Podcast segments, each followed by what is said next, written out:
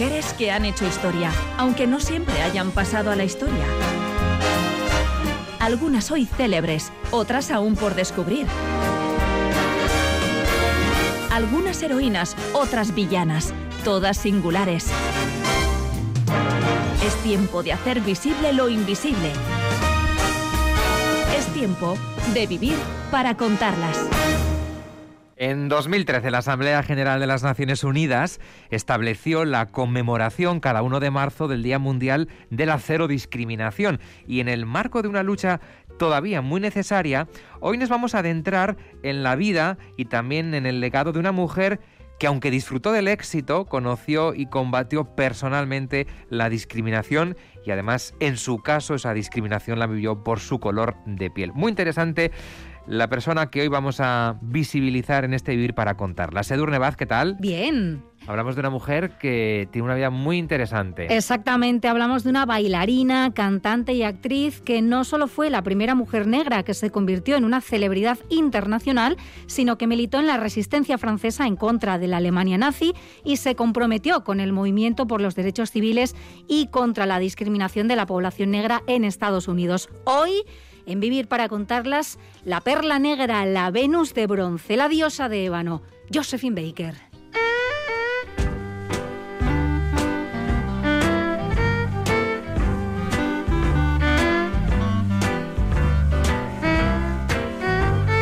Freda Josephine McDonald nació en San Luis, en Missouri, eso ya nos da cierta idea, el 3 de junio de 1906. Lo hizo en una familia muy humilde y en un momento en el que resultaba particularmente difícil ser afroamericano en Estados Unidos en general y en un lugar, como decimos, San Luis, Missouri, en particular. Exacto. Eh, recordemos que en julio de 1917 centenares de personas blancas se dirigieron a la parte este de la ciudad golpeando y disparando indiscriminadamente a las personas negras, niños incluidos. Se estima que murieron asesinadas entre 100 y 200 personas y otras 6.000 perdieron su hogar pasto de las llamas. Josephine fue testigo directo de lo ocurrido, aunque por fortuna logró sobrevivir, igual que su madre. Tenía solo 11 años y ya empezaba a ser más que consciente de un problema que combatiría toda su vida.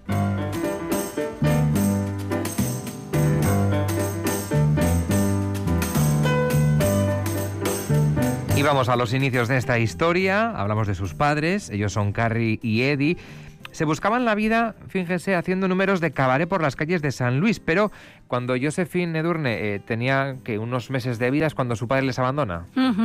Y esto hizo que, bueno, también el contacto de Josephine con el trabajo duro fuera terriblemente prematuro. Para contribuir a la economía de la familia, con solo siete u ocho años ya limpiaba las casas de familias ricas que le pagaban con desprecio malos tratos y toda clase de abusos. En una de esas casas le obligaban a dormir en el sótano, en una caja de madera, junto a un perro a los 13 años, trabajando de camarera y soñando con esa independencia y con poder ser libre, conoció a un joven llamado Willy, con el que se casó, aunque se separaron a los pocos meses. Con un talento natural que ya resultaba evidente, Josephine empezó a bailar en la calle, como lo hacían sus padres, hasta que consiguió entrar a formar parte de un grupo de bailarines profesionales con los que participaba en espectáculos integrados únicamente por bailarines negros. En una de las actuaciones conoció a otro Willy, en este caso William Baker, que era un guitarrista de blues con el que se casó en 1921 y de quien también se separaría al poco tiempo, aunque Josephine ya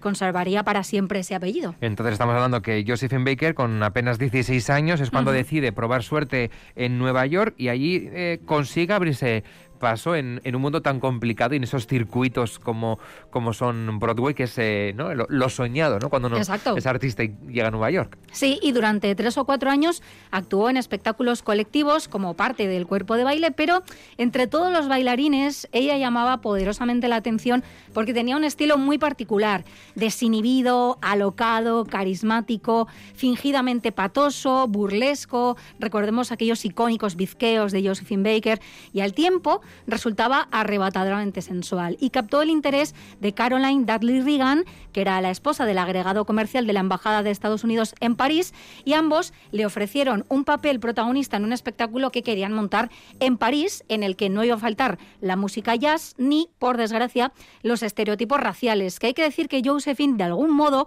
consiguió también subvertir y parodiar, ¿no? Con su característica determinación se lanzó y llegó a París en 1925 y esta sería además la primera vez que abandonó a la ingrata Norteamérica.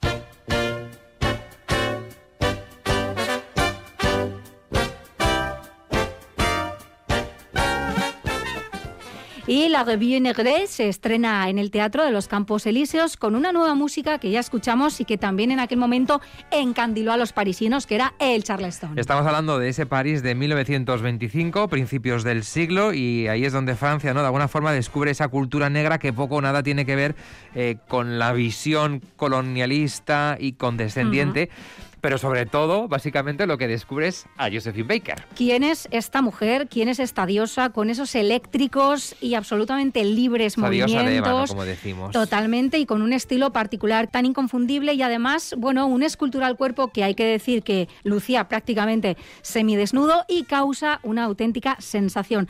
Después de una exitosa gira europea, se arriesga de nuevo y deja esta revista negra y consigue convertirse en vedette, la primera también de raza negra, del emblema Folie Berger, donde dará rienda suelta a su bautizada ya como danza salvaje, que ejecutará con su ya icónica también falda de plátanos artificiales, entre otros escuetos estilismos.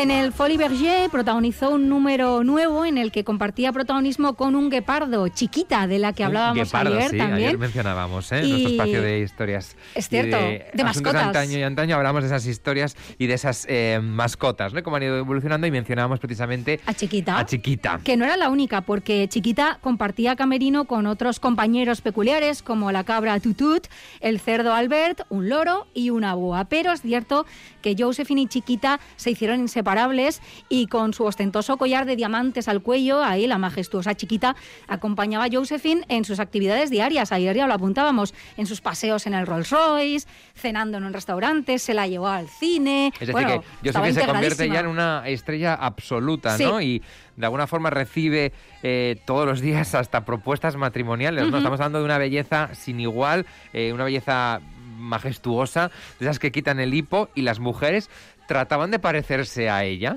Sí, lo hacían oscureciéndose la piel con crema de nueces y esto además resulta bastante irónico porque años atrás Josephine había intentado hacer justo lo contrario, aclarar su piel y aclarar su pelo, ¿no? Pero por aquel entonces se enamoró de un siciliano llamado Giuseppe Abatino, alias Pepito, que era albañil, pero se presentaba como conde, ¿no? Era así este hombre, y se convirtió en su agente y amante, aunque no se casaron en esta ocasión porque Josephine seguía legalmente casada, pero pasaron juntos una década e incluso abrieron una discoteca que se convirtió en todo un referente para la florinata de la época. Pensemos en ese París efervescente de cultura en el que se daban cita grandes admiradores, por cierto, de Josephine, como Picasso o Hemingway, que la definió como la mujer más sensacional que nadie haya visto jamás. Y como ya vamos viendo, a Josephine no le asustaba dar pasos al frente, así que pasa al siguiente nivel y empieza a cantar. Ya no solo le vale con bailar, el público se entusiasma con su voz inconfundible y muy reconocible, que además ella se encargó de educar también de una forma muy disciplinada.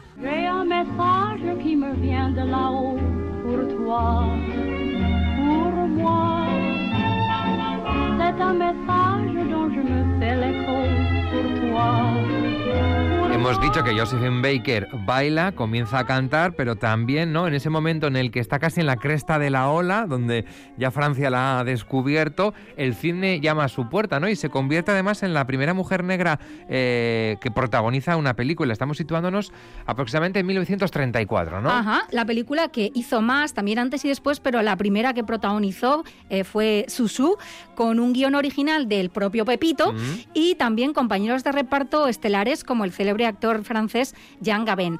Actúa en francés, canta en francés, ha conquistado París, pero a veces no se siente cómoda con esa idea de ser una curiosidad exótica, ¿no? que de alguna manera era en aquel momento y que se acentuaba con todo ese contexto de la guepardo chiquita, de todo lo selvático y demás. Entonces, triunfar en su país natal sigue siendo para ella una asignatura pendiente. No, nunca es profeta en su tierra. No, en Estados Unidos la cosa estaba muy complicada para ella, pero a pesar de todo lo intenta y vuelve a la escena neoyorquina, en este caso en las Sigfic Follies, que es una serie de revistas musicales inspiradas en los espectáculos del parisino Folie Breget, y la pacata sociedad norteamericana, como era de esperar, no recibe con agrado su escueto vestuario, lo supuestamente escandaloso del espectáculo y entre las críticas para su sus admiradores es la gran Nefertiti negra del jazz y para sus detractores baila como un mono, ¿no? Una cita textual. Y más allá del escenario, Josephine además choca de nuevo con ese muro que también llegó a conocer en sus primeros años, el racismo y la segregación racial.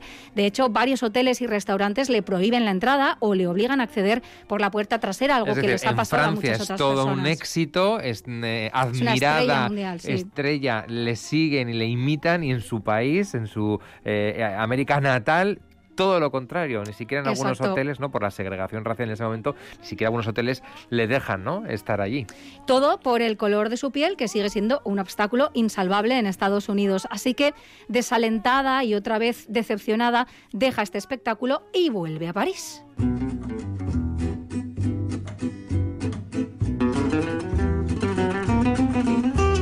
Vuelve a París, como decíamos, desalentada, decidida a dejar atrás para siempre Estados Unidos. Ahí es cuando se casa con el empresario Jean Lyon y obtiene la nacionalidad francesa, pero por desgracia es justo antes de la ocupación nazi, algo que también le, le va a marcar, ¿no? Exactamente, ya vamos viendo que ella no era una mujer que diera la espalda a los problemas precisamente, así que además de actuar para las tropas aliadas o colaborar como voluntaria con la Cruz Roja, hizo algo mucho más relevante y también arriesgado. Se convirtió en espía para los servicios de inteligencia franceses.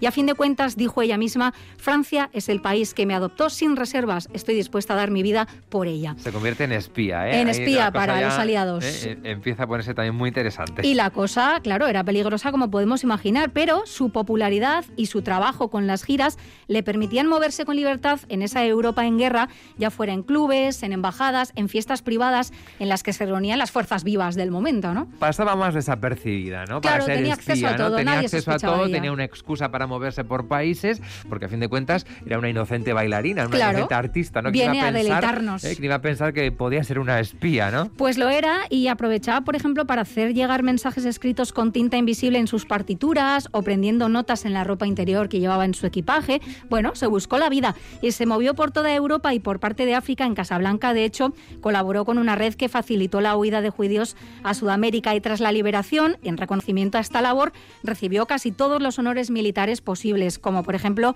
el de subteniente de las Fuerzas Femeninas del Ejército del Aire, la Medalla de la Resistencia o la Legión de Honor, que no es cualquier cosa. ¿Cuántos personajes de mujeres espías que hemos leído en novelas eh, contemporáneas muy recientes, cuánto habrá de Josephine Baker en ellas? ¿no? Bueno, pensando, también musa de ese eh, movimiento. Estoy pensando en esa Sara Quiroga, Sira Quiroga del tiempo entre costuras, estoy pensando en Amelia Garayoa de Dime quién soy, ¿no? Mujeres que pasan desapercibidas pero que son espías y que bueno, tienen el, el argumento perfecto para poder moverse y pasar desapercibidas. Exacto, y hacen una labor impagable, claro, este, esta información tenía un precio enorme.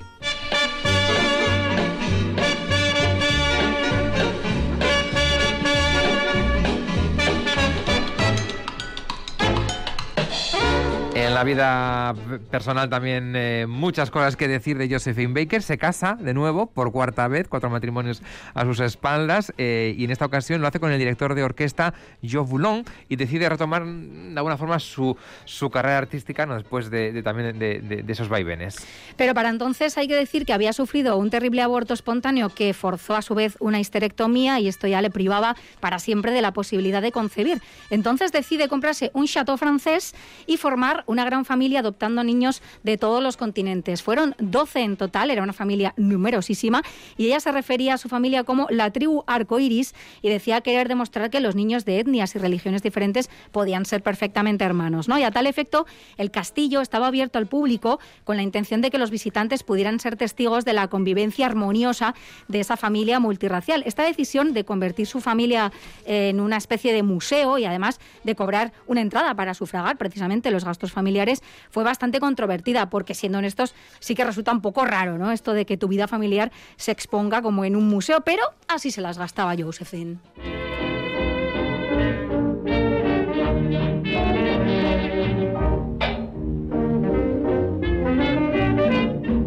Hemos dicho que Josephine Baker en esos caminos de ida y vuelta, en el que regresa a Estados Unidos, se vuelve a ir desalentada por esa, eh, por esa segregación racial que sigue sufriendo en sus carnes a pesar de ser una estrella mundial. Bueno, pues en esos viajes de ida y vuelta decide en la década de los 50 volver a Estados Unidos. ¿Le va algo mejor? Eh, no demasiado, porque ya hemos visto que se había ido desalentada, pero que tampoco es una mujer que diera la espalda a los problemas. Así que efectivamente no se resignaba a que su país siguiera dándole la espalda. Pero a pesar de su fama y de su impagable labor durante la Segunda Guerra Mundial, ese muro seguía estando ahí. Estados Unidos seguía siendo un país racista y segregacionista. En su contrato para esta gira, Josephine estipuló que no iba a actuar en locales que segregaran al público. Ofrecieran la cantidad de dinero que le ofrecieran y se sabe que recibió ofertas muy cuantiosas. Pero esto le enfrentó pues a los propietarios de algunos clubes y lo mejor de todo es que forzó el fin de la segregación en locales de ciudades como Miami o Las Vegas. Debido a su firme compromiso, la gira por Estados Unidos se cerró con un multitudinario desfile en Harlem que celebraba el título de Mujer del Año que le otorgó la Asociación Nacional para el Avance de las Personas de Color. Pero en su biografía sobre Grace Kelly, Donald Spoto cuenta que en el restaurante en el que Josephine quiso celebrar este premio justamente se encontró con que se negaban a atenderle. ¿Y cuál fue la reacción de Grace Kelly? Pues eh, cuando Josephine ya decidió abandonar el local porque no le atendían, Grace Kelly, que estaba allí con unos amigos, se sintió tan indignada por esto que estaba presenciando que se levantó y salió del local agarrada del brazo de Josephine, además de mm. contar luego a la prensa que no tenía intención de volver nunca a ese restaurante. ¿no? Ellas se hicieron, como luego veremos, grandes amigas y el compromiso con los derechos civiles eh, de Josephine dio ya un paso más. I want you to know that this is the happiest day of my entire life. One day when the glory comes, it will be ours, it will be ours. Oh, y ese paso más se traduce en que Baker se une al movimiento de Martin eh, Luther King por los derechos civiles y la lucha no contra la discriminación racial. ¿no? Ese es el paso más, ¿no? ese compromiso aún mayor. Se implica directamente y fue de hecho la única mujer que habló junto a King en la marcha sobre Washington de 1963. Escuchábamos decir a ella misma que era el día más feliz, de, su, vida. Y bueno, pasaría a la historia ¿no? este día y este discurso de Martin Luther King con aquel Yo tengo un sueño. Y para la ocasión se puso su uniforme del ejército francés y su medalla al honor y habló a la numerosa audiencia sobre su propia lucha por la justicia. Se convirtió además en delegada general de la Liga Internacional contra el Racismo y el Antisemitismo, pero su compromiso político y una salud que ya se había resentido tras dos infartos y una embolia la mantenían alejada de los escenarios. Aquí eh, sus finanzas también se fueron resintiendo considerablemente. Intentó por todos los medios conservar su castillo, pero al final sus hijos y ella tuvieron que abandonarlo. Y aquí entra en juego otra vez su gran amiga Grace Kelly, convertida ya en aquel momento en Grace de Mónaco, que le ofreció un piso en el Principado para que pudiera pasar el resto de su vida. Y no solo eso, patrocinó el gran regreso de Josephine a los escenarios con un espectáculo en la parisina Sala Bovino que celebraba sus 50 años sobre el escenario. Y a este estreno acudieron celebridades como Sofía Loren, Mick Jagger, Shirley Bassey, Diana Ross o Laisa Minnelli y fue un éxito absoluto. Pero hay que decir que Josephine solo tuvo cuatro días para saborear las favorables críticas de este espectáculo.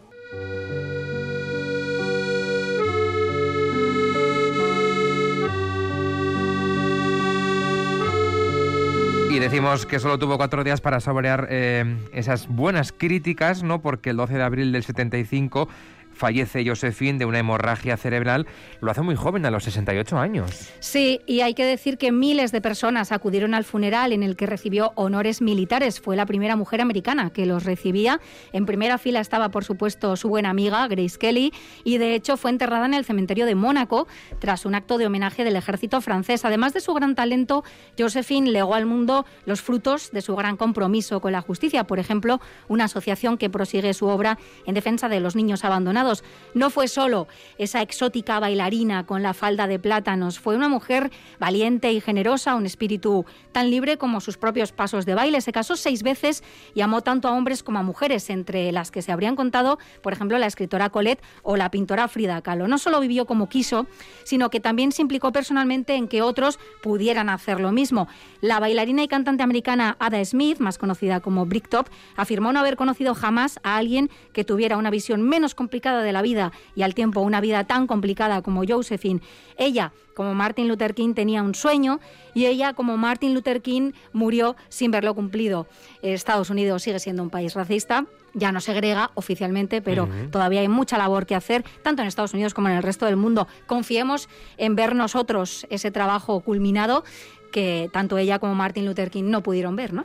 Desde luego que, qué vida más eh, interesante la de Josephine Baker, ¿no? Y, y, bueno, pues eh, hoy tenía que tener su espacio, ¿no? Esta bailarina, eh, cantante, actriz, que decíamos que no solamente fue la primera mujer que se convirtió en una celebridad internacional, sino que, bueno, pues eh, militó en esa resistencia francesa en contra de la Alemania nazi, fue espía, eh, luchó, ¿no? Contra la segregación racial de la que, bueno, pues huyó también de su país, pero bueno, pudo regresar y trabajar con Martin Luther King. Bueno, pues interesantísima vida, todas las que nos traes en Vivir para contarlas, pero especialmente la de Josephine Baker. Edu Rebaz, es que recasco. De nada.